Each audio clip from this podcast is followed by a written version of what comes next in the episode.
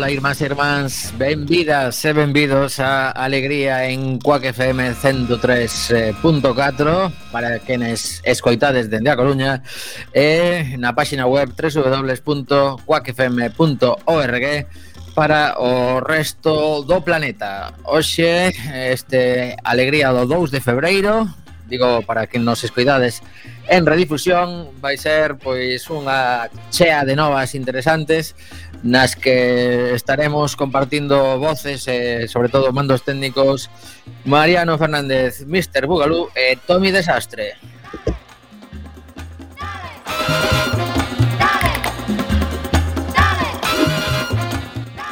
Xa sabemos que estamos a vivir un momento complexo con unhas incidencias moi altas de ocupación de UCI polo coronavirus, unha situación nas, nas áreas eh, sanitarias pois eh, que se vai acumulando porque realmente eh, o problema moitas veces é canto tempo sae, eh, tarda cada cada paciente en sair, aínda que empezamos a, a ver como se reducen o número de, de persoas contagiadas, pois aínda queda un tempo para que isto eh, acabe traducíndose nunha reducción de, de ocupación nos hospitais.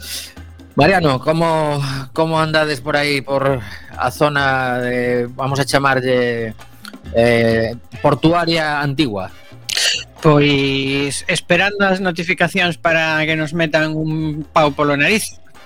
Pois sí, aquí tamén, aquí aínda non chegou, estou na zona de Riazor.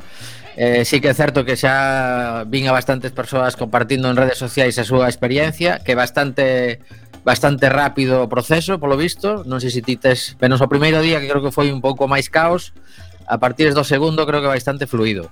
A Bea, Bea xa, eh, xa que hoxe non pode estar porque está traballando precisamente, pero xa lle chegou, o sea, non lle chegou, minto. Puido comprobar que estaba citada, pero non porque lle chegara nada, senón Ajá. porque foi ela a mirar as súas notificacións. Vale, pois eu precisamente onte vin eh, Isto é un aviso para a xente que nos escoita por se si acaso Eu onte vin que compartía un, un colega eh, no seu Facebook Un pouco como facilitar a operación por se si acaso non és das persoas que, que frecuentas os, o teu centro de saúde É posible que non estea actualizado nin siquiera o teu número de teléfono móvil. Entón, el explicou onte como facer para que conste xa o, o teu teléfono en, en no Sergas, en cita.sergas.gal, eh, eu fixen esa, esa operación de darme de alta co, co número de teléfono e agardo que me manden o SMS, pero de todos os xeitos tentarei mirar polo menos cada dous días, non sei con canta antelación convocan, pero mirar cada, cada un ou dous días o tema do cita.sergas por se si acaso. E logo, bueno, e logo sempre eu a min sempre estas operacións, macrooperacións, 100.000 tests sempre me, me levantan unha certa desconfianza, non? Quer dicir, unha operación de cento e pico mil test de anticorpos que detectan a xente que xa pasou o coronavirus, non?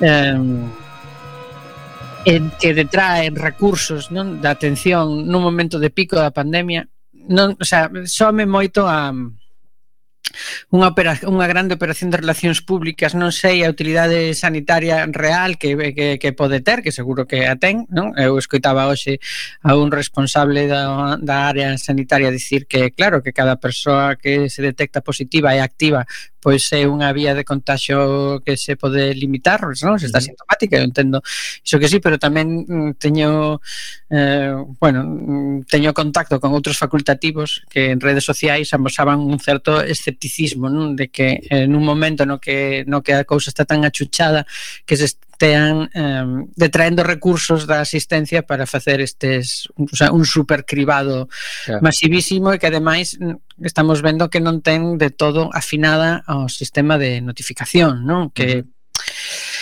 Eh, hoxe se falaba se falaba diso noutra emisora local, non? Que se lle preguntaba precisamente un responsa a este responsable da área sanitaria que, que, que, bueno, que estaba vendo problemas coas notificacións porque en Compostela o nivel de asistencia era altísimo e aquí non, e aquí hai xente que aduce e que non lles chega a notificación, non? Uh -huh. Entón, pois non sei, algo está algo está pasando e xa digo, me parece o, o mellor, o mellor é desproporcionadamente ambicioso cando o, eu supoño que o que nos ocupa a todos agora, eu penso que, que, que xa caímos un pouco todos da burra de que non se pode nin salvar o Nadal, nin o Entroido, nin a Semana Santa que aquí o que compre é vacinar a maior velocidade posible Eso sí, eh, pero bueno, de, de salvar a Semana Santa xa hai responsables autonómicos falando, eh? eh no, Sí, claro, no, bueno, e logo tenemos o pico de despois da de Semana Santa. Pois pues, seguramente. Decir, eh, sí, sí É que sorber e soprar ao mesmo tempo é unha cousa ben complicada, eh? eh non, non é doado de facer. Eh, eh, eh, se aínda non aprendemos, eu penso que as, que as cousas que se poden facer dende as administracións son as que son, e eh, penso que se están a facer.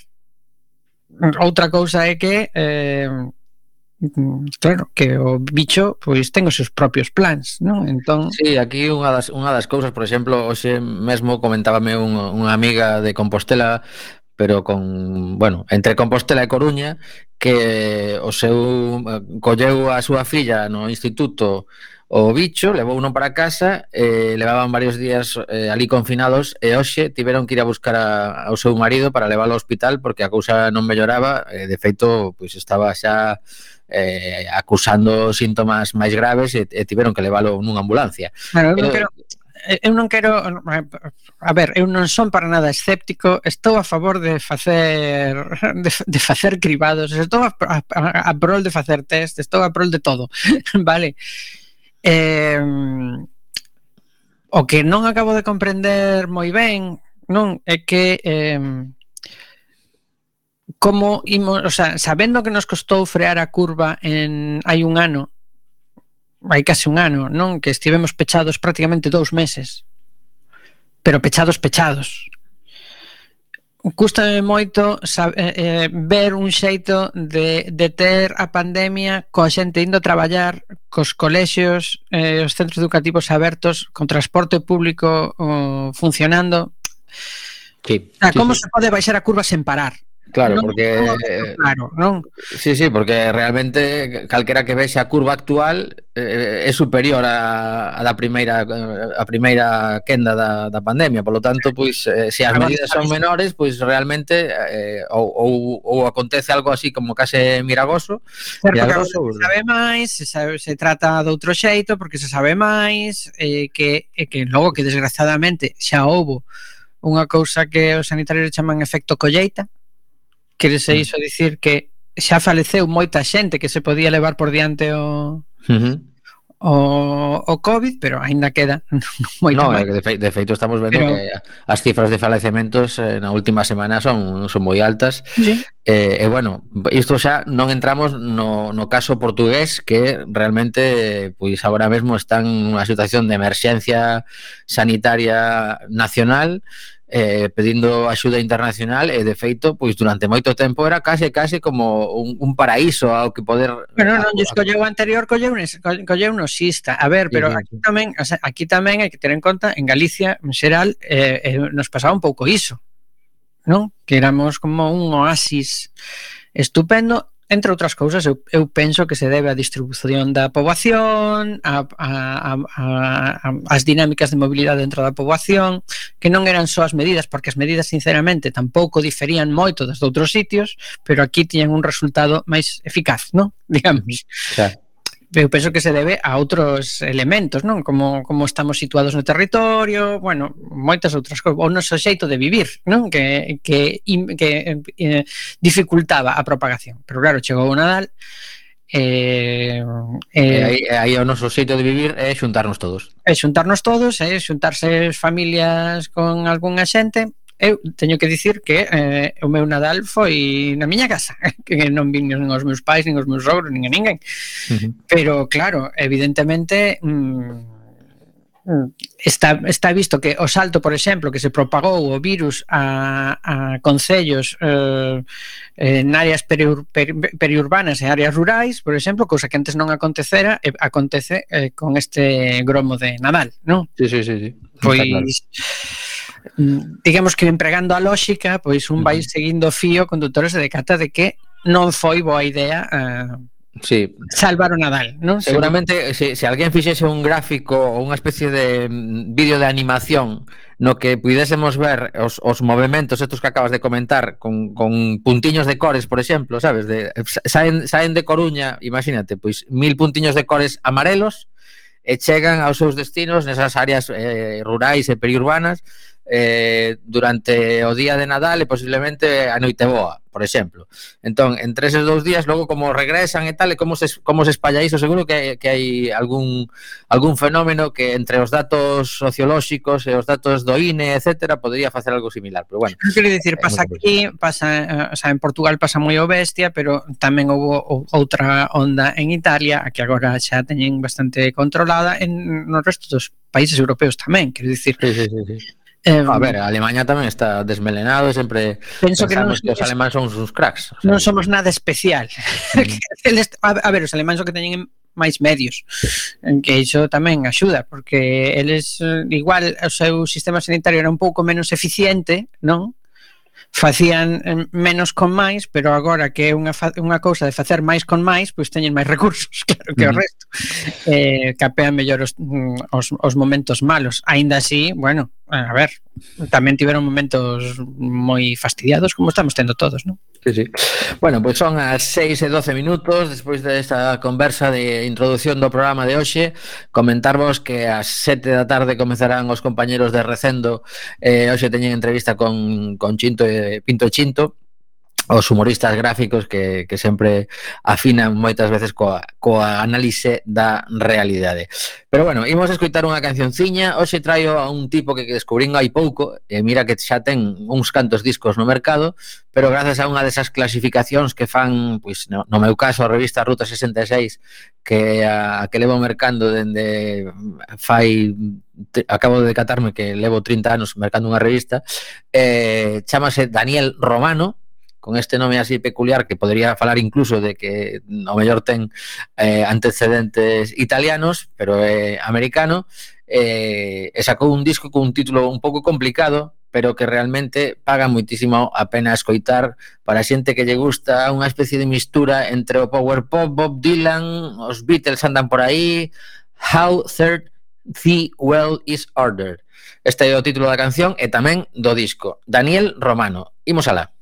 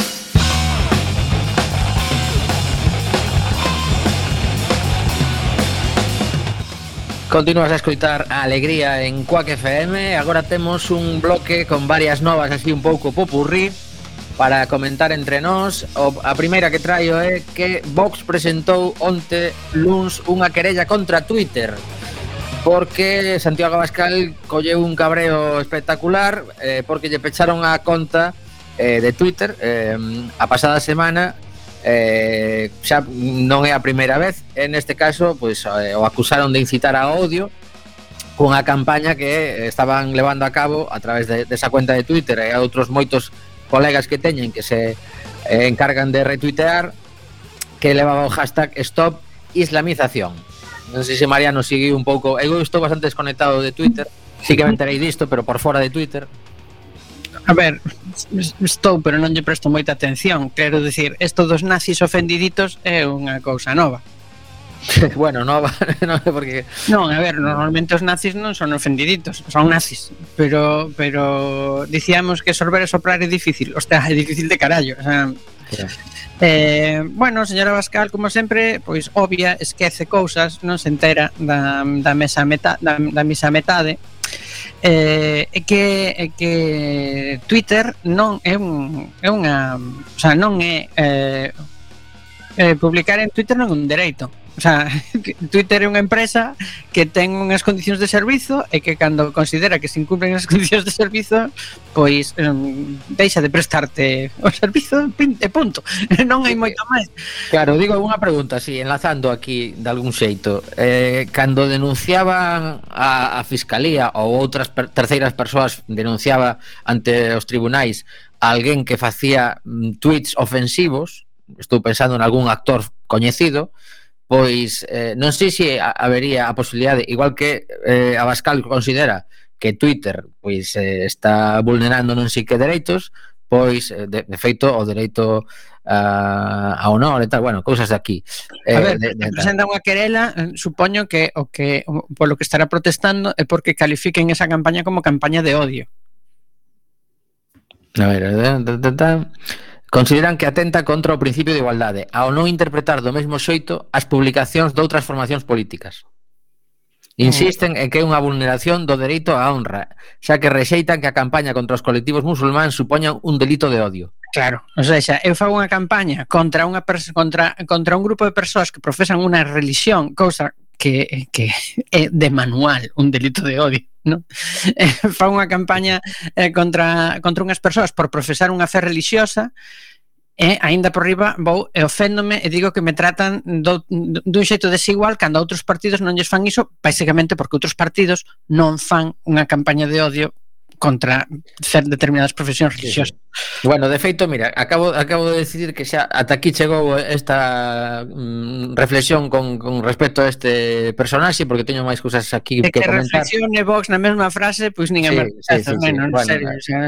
É toda a razón. Bueno, pois pues resulta que hoxe por mm, non sei cantas veces xa vai o Congreso dos Deputados ia aprobar, supoño que a estas alturas da tarde xa estará aprobada a, a, a proposta de o traspaso de competencias da AP9 a Xunta de Galicia.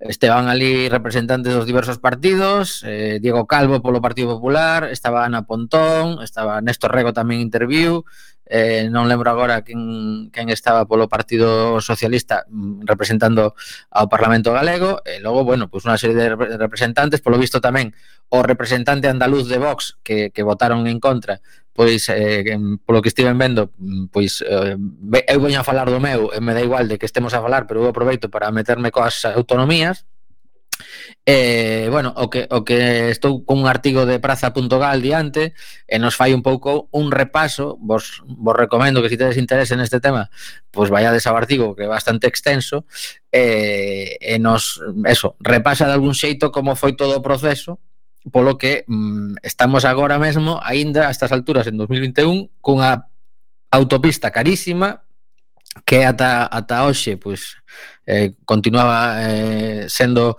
unha competencia do Estado e eh, aquí, por exemplo, unha das frases digo, o gabinete de Rajoy aínda vetaría o traspaso dúas veces máis Claro, agora mesmo que o Partido Popular defende así como dende a oposición en Madrid defende ao bestia que se, que se transfira esta competencia, pois nos, nos lembra o artigo de Praza.gal que eh, en varias ocasións estando o Partido Popular en Madrid gobernando, mm, non, non houbo forma de, de que se concedese esta competencia.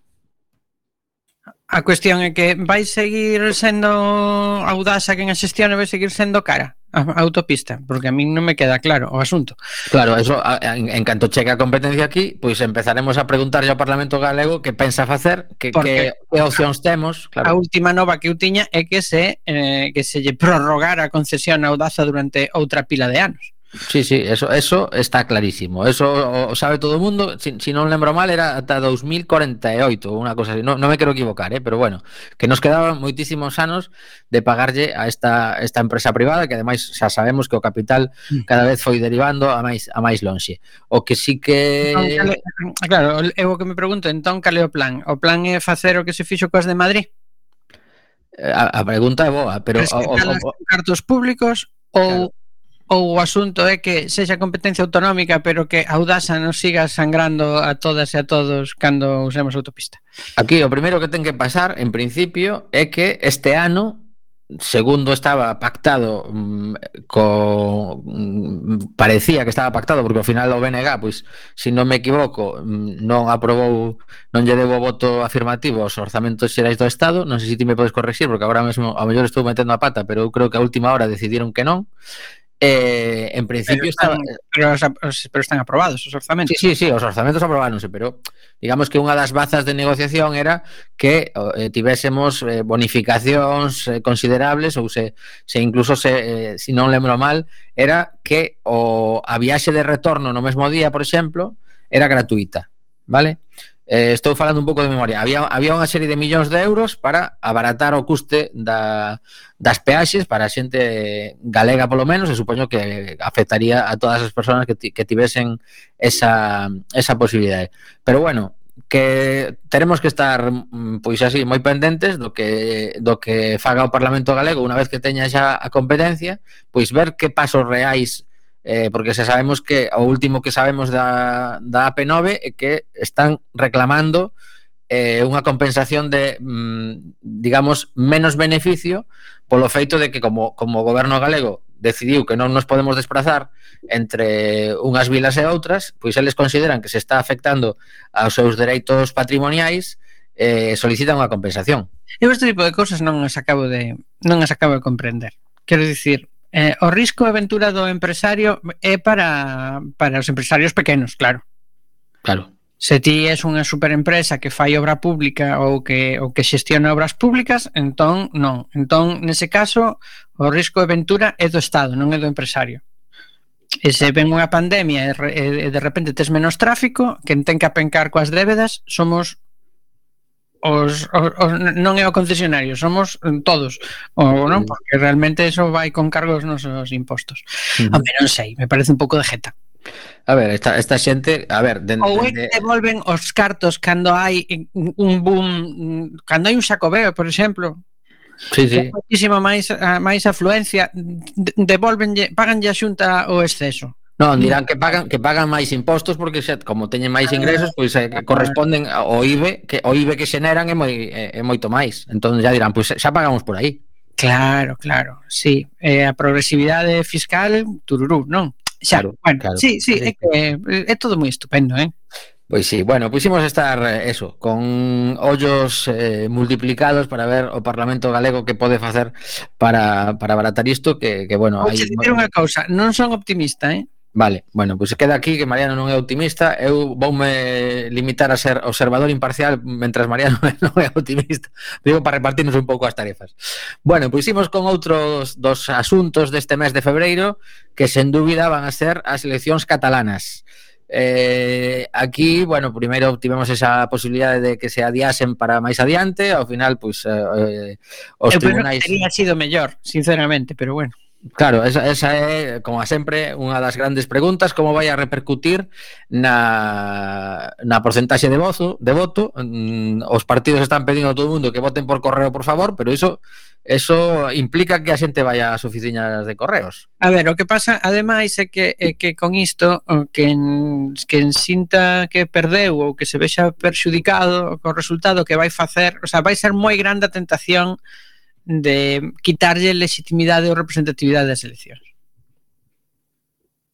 Mm, sí, sí, pero, pero cantas levan xa, eu xa me, xa me perdín de cantas levan en 4 anos. En Cataluña cada dous anos eleccións, é eh, a súa media. Vale. Pero é que non sei, eh, tampouco, o sea, tampouco vexo unha grande posibilidade de, de que sexa de que haxa estabilidade a non ser que lle, mm, non sei, que lle chegue eh, que non, non o vexo eh? no, no, no, no, é que el, igual, o Cristo que teñen aí igual se lle chega a Esquerra co PSOE os comuns con maioría absoluta podería pasar algo máis estable do que ven acontecendo pero é que custame velo eh? Pois, pois mira, estou aquí agora mesmo tentando de aparcar as, as cookies famosas que me saltan continuamente. Estaba intentando eh, Logo atopar... está, o caso, está o caso de do ministro Illa. Sí. Que eu non me podo resistir a dicir que me parece impresentable o, o asunto o movimento. Me parece me parece unha manifestación moi clara de que é interés vai diante de que outro interés, non? o interés do, do país ou o interés do partido. O sea, eu penso que foi diante o interés do partido. Home, eu creo que a ninguén lle cabe dúbida de que iso é así como dis porque porque estamos no momento que estamos e non temblaron demasiado en decirlle a Miquel Iceta, Miquel, perdón, Miquel Iceta, vente para Madrid. Caliente mandamos... sales, Miquel. Sí, sí, pero pero digamos en, en facemos aquí un, un cambio de, de titular no, no banquillo pasa a outro equipo rapidamente, xa tengan o seu ministerio eh, e poñemos aí a illa a ver si, si repuntamos. Entón, bueno, teño aquí agora mesmo diante unha... Eh... Sabes que cal vai ser o problema? O problema vai ser que todo indica que sae, que vai sair ben. Xa. Bueno, eso, no, eso é o que estou intentando localizar algo mm, actualizado El, porque... el, electoralmente todo indica que vais a ir ben, que vai haber en efecto un efecto illa e que vai mellorar os resultados das, das últimas os, mm. os uh, as enquisas así así o din, non? Ajá. Entón, mm, claro, se sabe ben A, a, aos que nos parece que, ostra, que mal, non? que nos parece un pouco chusco, claro, que como, completamente como votamos, non, un rollo de democracia, pues, se sabe ben. Sí, sí, claro, claro.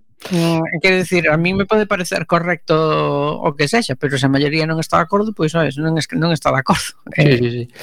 Pois pues nada, teño aquí a, a maioría absoluta son 68 escanos, un, unha eh, información del periódico.com eh, a día 1 de febreiro, onte mesmo, e eh, as, as cousas, segundo esta, esta enquisa, están en 32 para a Esquerra Republicana, 30 para o PSC e 30 para Junts per Cataluña. Eses eh, sumarían 92. Despois, Ciudadanos, 14, Eh, e xa empeza, empeza... O desprome de Ciudadanos é tremendo, vamos. Pois sí, despois empeza a baixar a cousa, están Partido Popular con 7, Vox con 6, a CUP con 7, eh, os comuns con 8, eh, xa dixen todos, sí. Eu penso que o Partido Popular vai quedar con como, menos. Como partido que quere, como, non, pero como partido, o Partido Popular como partido que aspira a ser un, unha forza de goberno debería reflexionar de por qué nunha das comunidades autónomas con maior poboación do Estado saca o mesmo resultado que as CUP. Penso que é unha cousa uh, que debería chamar a reflexión a un partido desa magnitude, non? Sí, pero non creo que eles nos seus cálculos supoño eh, que, que dirán, temos temos que ceder por algún sitio. E se, se, se agora empezamos a variar o discurso catalán, que ciudadanos seguimos a perder a xente por todos os lados, no, no resto de España. Claro. Que ciudadanos que están caída libre eh vai sacar doble. Claro. É que, ostras, igual se están equivocando ca, ca, co seu mensaxe en Cataluña. E non digo, xa non falo do, da mensaxe a nivel estatal que, bueno, xa é infumable, pero o, a mensaxe en Cataluña tampouco está aprendendo moito, eh? Home, xa, pero que, o que pasa que eles dirán como partido estatal que somos, tampouco pode diferir demasiado e dicir unha cousa en Cataluña e dicir outra en Madrid, porque entón, claro, mm, é o que dicía fai un momento. Entón empezarían a dicir, ah, pero entón isto que nos decides todos os días nos medios nacionais... Bueno, xa dicires do que din en Galicia do que din en Madrid. Sí, pero o caso catalán, o caso, sabes que o caso catalán é bastante diferente. Bueno, o, xa, pero aquí teñen maioría absoluta. En Cataluña sete ou seis. Eu non é por darlle pistas ao Partido Popular. Bueno, pero, a ver, tamén é certo... Eh, dá para, dá para darlle unha voltiña, eh, a cabeza. Como, como andan de candidaturas por ali? Aparte de fichaxes así estrelas no sé de, de Ciudadanos. Non sei se repetirán con Albiol. Bueno, o sea, un cartelazo, eh. Mm, o sea, no, non sei quen anda por ali, a verdade. Pareceme, o sea, Albiol para min pareceme un señor absolutamente indistinguible dos señores de Vox. Entón, claro, hai que dicir que entre Vox e o Partido Popular pois pois son como ciudadanos, non? O sea, máis ou menos, sacan un máis que ciudadanos, según que. Un menos, un menos. Un menos sete, que 76. Ah, bueno, tal como está isto que comento aquí. Se están aí enrocados niso, pois, mm. bueno. Non sei, non sei, alá eles. Obviamente é moi difícil que lle vayan quitar o espacio o, o espacio de, de, de dereita a Junts, non? O sea, uh -huh. Nunca o fixeron, sería unha novidade que fixeran agora. O sea, bueno, aquí o que o que comentabas ti antes de si sería posible a suma de Esquerra, PSC eh, eh, e os en Común Podemos, pois en principio dá, dá eh, exactamente eh, 70 e precisan 68 para maior maior absoluta. Segundo pois, visto, sairían esas contas. Pois aí podería haber unha posibilidade. Uh -huh. Aí podería haber unha posibilidade porque basicamente é o plan que teñen en, en un pouco en Madrid. Mm Claro, en Madrid que pasa? Que, que Esquerra ah, a, apoia a maioría que goberna, pois en, a inversa igual lle tocaría aos comuns ou ao Partido Socialista apoiar a, a bueno, a maioría que goberna non, a minoría que goberna, non? Uh -huh. eh, pois sería unha cousa un pouco parecida, non? O que pasa é que, claro, iso eh, abre tamén as portas a máis eh, polarización Porque claro, eso entregarlle en bandexa a, a, a, a, ao extremo centro, a dereita extrema e a extrema dereita o, a, a mensaxe de se vende os separatistas, bueno, toda esta historia. Claro. Bueno, mm, que, que iso, que hai, hai que ver como acaba todo isto, coas sumas e restas, pero bueno, será dentro de poucos días, precisamente o día de San Valentín, cando saíamos de dúbidas. Imos coa segunda canción do programa que trouxen a unha muller que recuperei hai, hai poucos meses, que, que a verdade é que me estivo molando moito escoitar a súa música ao longo da, das diversas décadas, estamos a falar de Stevie Nicks, que... En solitario Dime. Sí, Stevie Nicks en solitario, porque eh, de feito lin unha cousa que non sabía é que a única muller que está doblemente representada no Hall of Fame do rock and roll por unha banda con Fleetwood Mac e hai pouco ano pasado deronlle o, o recoñecemento como cantante en solitario. Sí. Así que, eh, bueno, esta canción que, que trouxen eh, ten un vídeo, se o queredes buscar en, en YouTube, é un vídeo eh, dirixido por Cameron Crowe, eh, é unha é das últimas, eh, leva mm, tres meses circulando nada máis, eh, chamoume a atención pois, este, este tema, que, que recupero, como os digo, é Stevie Nicks e a canción titúlase un segundiño que vos lo digo, Show Them the Way.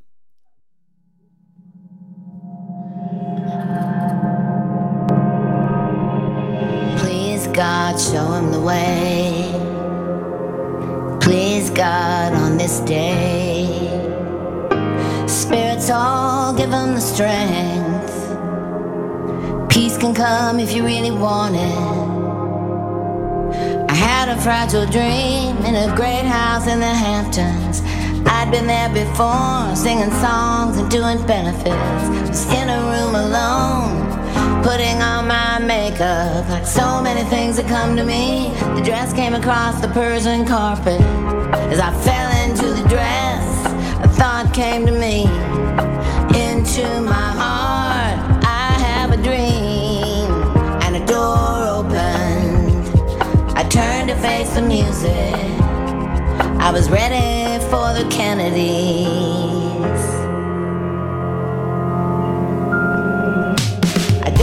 If it was 1960 or 1963.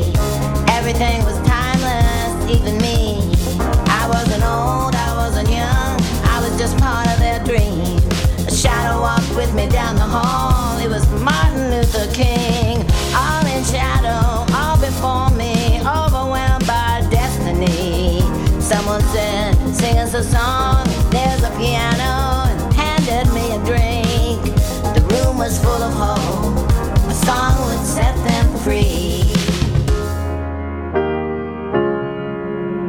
said, Please, God, show 'em the way. Please, God, on this day. Spirits all give 'em the strength. Peace can come if you really want it. I sat at the piano, stared out at the shadows. I sang the words, I have a dream. He wasn't my smile.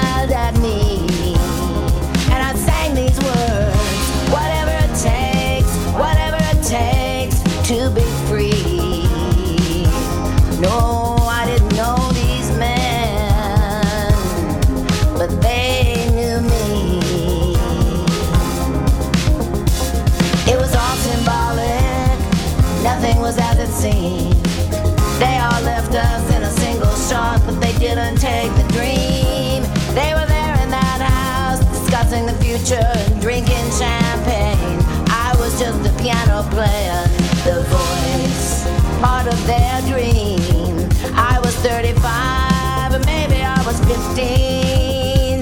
It was just another night in the presence of Martin Luther King. I was just a dreamer. I was ready for the Kennedys. And I said, please God, show 'em the way. Please God, stay.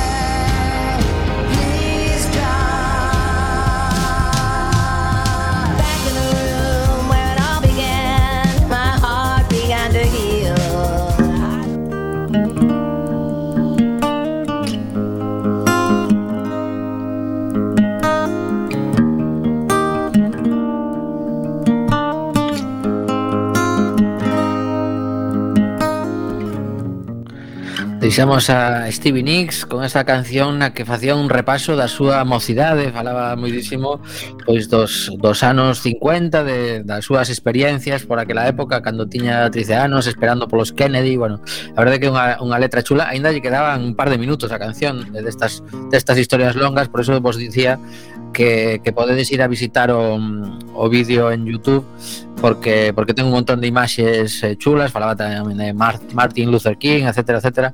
Así que bueno, mm, de feito non, non atopei a versión con subtítulos, pero seguramente que, que andará tamén circulando por aí si si lle colliches cariño a canción e queres buscala.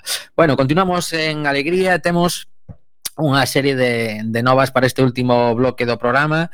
Eh, teño unha de hoxe mesmo, eh, publicada por Infolibre. Os suíces comezan a suspender os desahucios e o pago de aluguer a hosteleiros arruinados pola pandemia.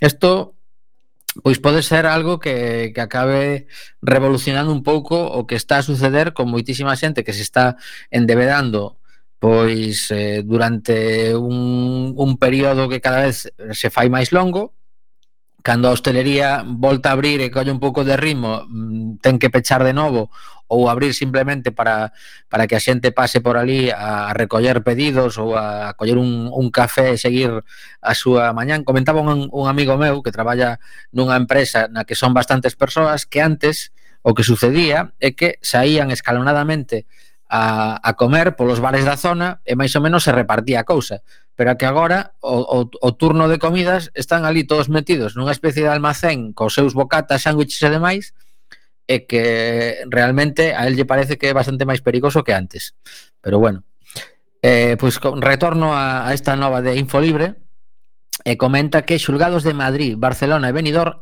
xa están adoptando medidas cautelares para cancelar temporalmente o pago da renda, ademais de prohibir a execución de avais bancarios a locais de restauración. Eh, os magistrados aplican o principio do dereito rebuc sic estantibus. Mariano, isto é mm, cousa túa, que establece que calquera alteración sustancial das circunstancias baixa as que se asinou claro. o contrato permite revisalo. Básicamente iso. Eh, ti asinas un contrato para circunstancias normais. É como unha especie de cláusula de é unha cláusula de, de forza maior, non? Sí, claro. Sí, de feito, de feito sei que xa se falou fai bastantes meses deste tema porque o, o contrato de moitas eh, locais deste tipo, pois pues, pois, chamalle cafetería, restaurante, paz, poñen especificamente para que se está alugando.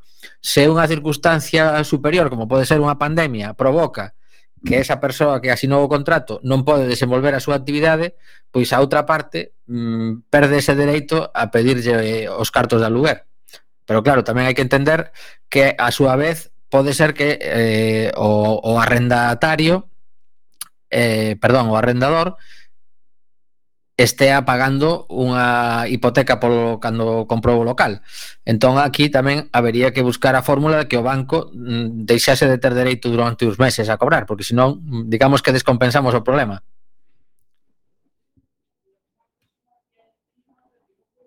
A ver, eh, o asunto é que eh, alguén ten que pagar o, o, o razo... que sería o máis razoable? Pois pff, seguramente é que, que cada parte perdera un pouco non? Para redistribuir a, a carga ou non sei. Claro, que o, o problema que... o problema cando cando é difícil, o, claro, é que é complicadísimo. Eh, porque aí o arrendador podería asumir parte da carga, o arrendatario outra e o fin, e o que financia outra, pero sí. tamén hai que ver que, do, de onde vimos, Quero dicir, eh, e quen pode soportar ese peso de Claro, de, de, onde, de onde saca alguén que ten cero ingresos para pagar unha parte do, do aluguer máis máis o que antes eh, levaba para a súa casa, para a súa familia, pois que eh, salvo que estea conseguindo pois algún tipo de de ERTE ou, ou situación de algunha, pois eh, no caso dos autónomos aí as, as mutuas que están cubrindo tamén eh, pois os, os, eh, os custes de unha especie de, de paro, digamos, pois a verdade é que un, é unha situación complicada e que de alguna forma se entende que os xulgados estén ante esta circunstancia tan complexa, pois estén tomando esta decisión. É que, ímonos, ímonos, dime, sí, sí, pero... eh, supoño que, que, que, claro, defender os dereitos de todo punto de todo mundo simultaneamente nunha situación como esta, a mí o que me parece é que eh, non estamos como sociedade non estamos tirando as, conclu as conclusións lóxicas que se derivan dunha cuestión como esta. Uh -huh. As conclusións lóxicas evidentes son que eh, precisamos un estado de bienestar eh, forte eh, pero forte, forte, auténticamente robusto para cando cheguen este sito este tipo de situacións. E a resposta social está sendo de abrir un debate sobre se os millonarios poden irse a residir a Andorra ou non. Uh -huh. Quero dicir sí. que Eh, non estamos sacando as aprendizaxes que serían lóxicas nunha sociedade madura dunha situación como esta. Penso, dicir, dicir que hoxe eh, unha das últimas novas que escuitei foi que a Unión Europea acaba de mandar outros mil millóns de euros para que España poda afrontar os pagos do SERTE. Cousa que eh, hai que lembrar o que acabas de dicir de, da importancia de ter estados fortes, en este caso pois un, un superpapá que, que pode ser Europa que no momento de, de necesidade pois está enviando pois primeiro os 20.000 millóns de euros nos orzamentos deste 2021 máis esta aportación extra agora mesmo para, para o SERTE que supoño que está chegando a outros países tamén da, da Unión Europea. Pero bueno, como nos quedan 6, eh, 7 eh, minutos de, de programa efectivo antes da última canción que, que imos compartir, mm, comentar que os Franco valoran en case 600.000 euros as estatuas do mestre Mateo que xixe Santiago. Isto é unha nova de hoxe mesmo tamén de Antares Pérez na opinión da Coruña é que saca a, as contas de que os, os Franco dividiron a, a herdanza en sete partes, vale? E unha das partes que a que lle corresponde a Francis Franco pois ten unha sociedade que lle xestiona todo o seu patrimonio. E en esa, digamos, nesa transacción entre eh, o todo e a parte de Francis Franco é cando aparece a, a cuantificación do, do valor das estatuas e, e polo tanto logran eh, neste artigo extraer que están valoradas en 600.000 euros que seguramente nun mercado de, de arte internacional sería moitísimo máis Bueno, eh, xa postos porque non lle poñen un precio a Catedral de Santiago directamente Claro, claro. A ver, o que o que está facendo este artigo de alguma forma e comentarnos como está a, a situación, porque aínda siguen loitando. Os, eh, lembremos que a familia Franco pretendía levarse as estatuas do, do Pazo de Meirás, lle dixeron dende a Xunta de Galicia que deso nada, eh, todo isto está no xulgado, había unha especie de reclamación por parte dun dos, eh, dos herdeiros mm, que resulta que non estaba, non consideraba que non estaba representado na causa, que non se lle chamara a través desta sociedade, que precisamente o que dicía antes de, de Francis Franco, a sociedade pristina, eh, entón, pois, eh, andiveron aí retrasando un pouco o proceso a base de, de, de tentar demostrar que eh, tiña, tiña dereito como, como parte da Ardanza a través dunha sociedade mercantil a, a participar co seu abogado que aparece aquí o, o nome do tipo non? entón bueno, quero decir con isto que esta, esta xente vai a estar dando a lata ata o final eh, e supoñemos que o proceso será longo e agora falta que as administracións públicas no momento en que empecemos a desconfinarnos pois eh, xa que teñen a, digamos, a titularidade temporal do Pazo, pois que nos empecen a, a deixar visitalo con máis frecuencia que antes.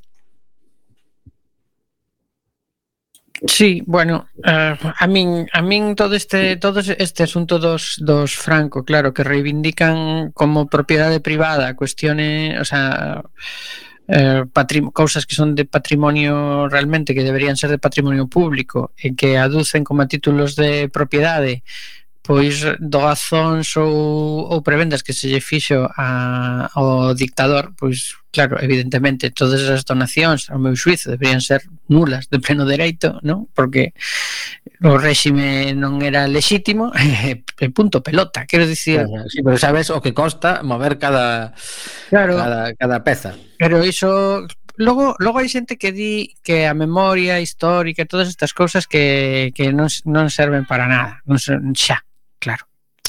Pois mm, sí, sí que serven, serven para para ter clarificado estas cousas non agora, senón hai 40 anos, non? Uh -huh. Para o que sí. serven.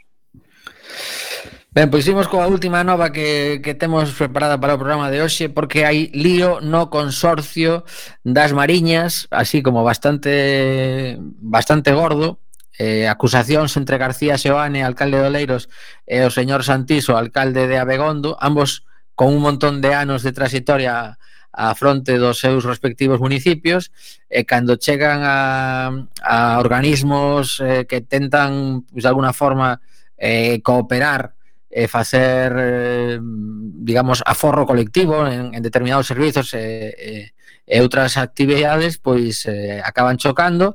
Eh, aquí o alcalde de Oleiros eh, estivo comentando que o presidente do Consorcio das Mariñas, Antonio Santiso Millamontes, eh, está tentando paralizar eh, bueno, an anunciou que se paralizaba a creación dunha mancomunidade, porque isto, isto do Consorcio das Mariñas vai desaparecer. Por lo visto, xa está condeado a, a desaparecer, entón, a partir de aquí, nacería unha nova eh, entidade xurídica que se chamaría a, a mancomunidade, e eh, Santiso ameaza con crear a comunidade deixando fora a Oleiros. Así que imagínate o cabreo e o lío que hai aquí, porque aparte hai que dicir que eh, mm, todo mundo sabe que o señor eh, o señor García Sebane pois eh, é bastante minucioso buscando documentación e aquí afirma que Santiso cometeu bastantes irregularidades e que está con informes en riba da mesa E o lío, o lío con todos estes eh, concellos vai para longo outra vez máis. E que foi da área metropolitana? Eso, eso está desaparecido en combate, xa che digo eu, que, que vamos, o Concello da Coruña non ten ninguna intención, polo que teño entendido, de pelexear a curto prazo pola famosa área metropolitana. Non penso que nin a curto, nin a medio, nin a longo, pero non con este goberno, por lo menos, pero Eh, bueno, vale.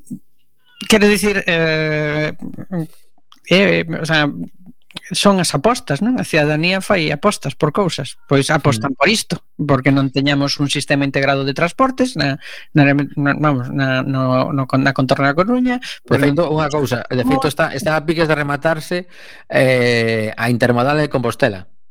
E aquí aínda non sabemos nada dos, dos seguintes eh, pasos a dar. Pero bueno, Bueno, perdón, non, perdón. non hai fallo, chegará a Feijó, fará un par de chamadas e xa está. Como a no, como a no Chuac, que sí. pasou de ser algunha práctica delictuosa a ser un plan ideal. Sí, sí, ademais foi como express, eh? unha xuntanza entre os dous varias horas. Horas, xa está. Eh, eh, eh, eh, se non me equivoco, onte mesmo foi asinado xa ese convenio para, para un novo Chuac E, e bueno, pois eh, agora mm, mm, quería traer este tema do, do, do consorcio e a mancomunidade porque realmente son pois, un montón de, de concellos que, que teñen cada vez máis importancia na vida da cidade porque hai moitísima xente que, que entra e sae de, dende a Coruña para estes concellos que nos rodean eh, polo que se ve, pois continuaremos eh, sin entendimento e sen estructuras mm, supramunicipais que nos permitan funcionar como un colectivo de persoas mm, máis amplo do que supoñen os límites municipais. É que ti tamén o queres todo, dende logo. O sea, sí. si total, non fan falla para nada. Quen quere...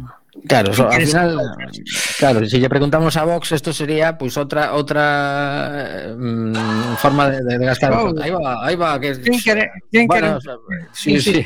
quen quere un transporte integrado, todas esas cousas. Quen quere, ah, eh. un tren. Ah.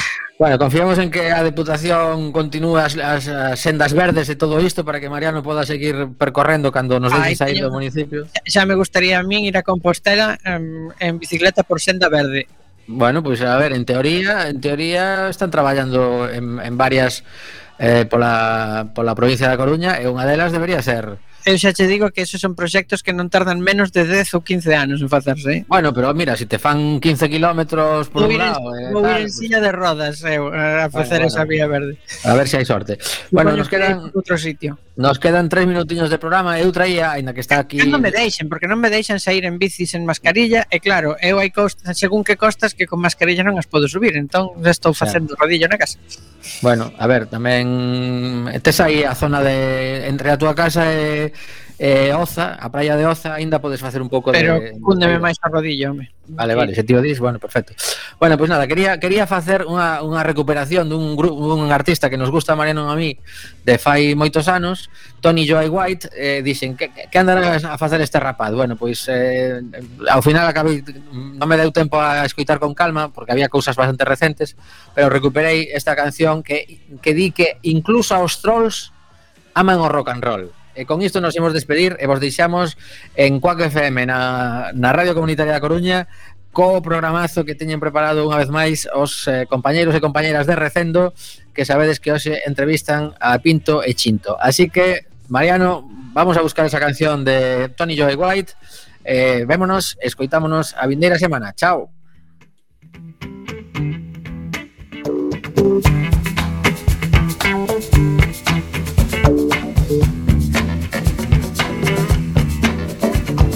Time I had this little band back home, a rock and roll band. And we was going to play this job one night, and it wasn't too far away, so we was walking. Well, we came up on this long black stretch of woods. Had an old river running through it, and an old wooden bridge across the river. Well, just as I was about to step up on the bridge, out stepped the troll. The almighty troll. He said, uh, hey, looks like y'all going to play somewhere. I said, yes, sir.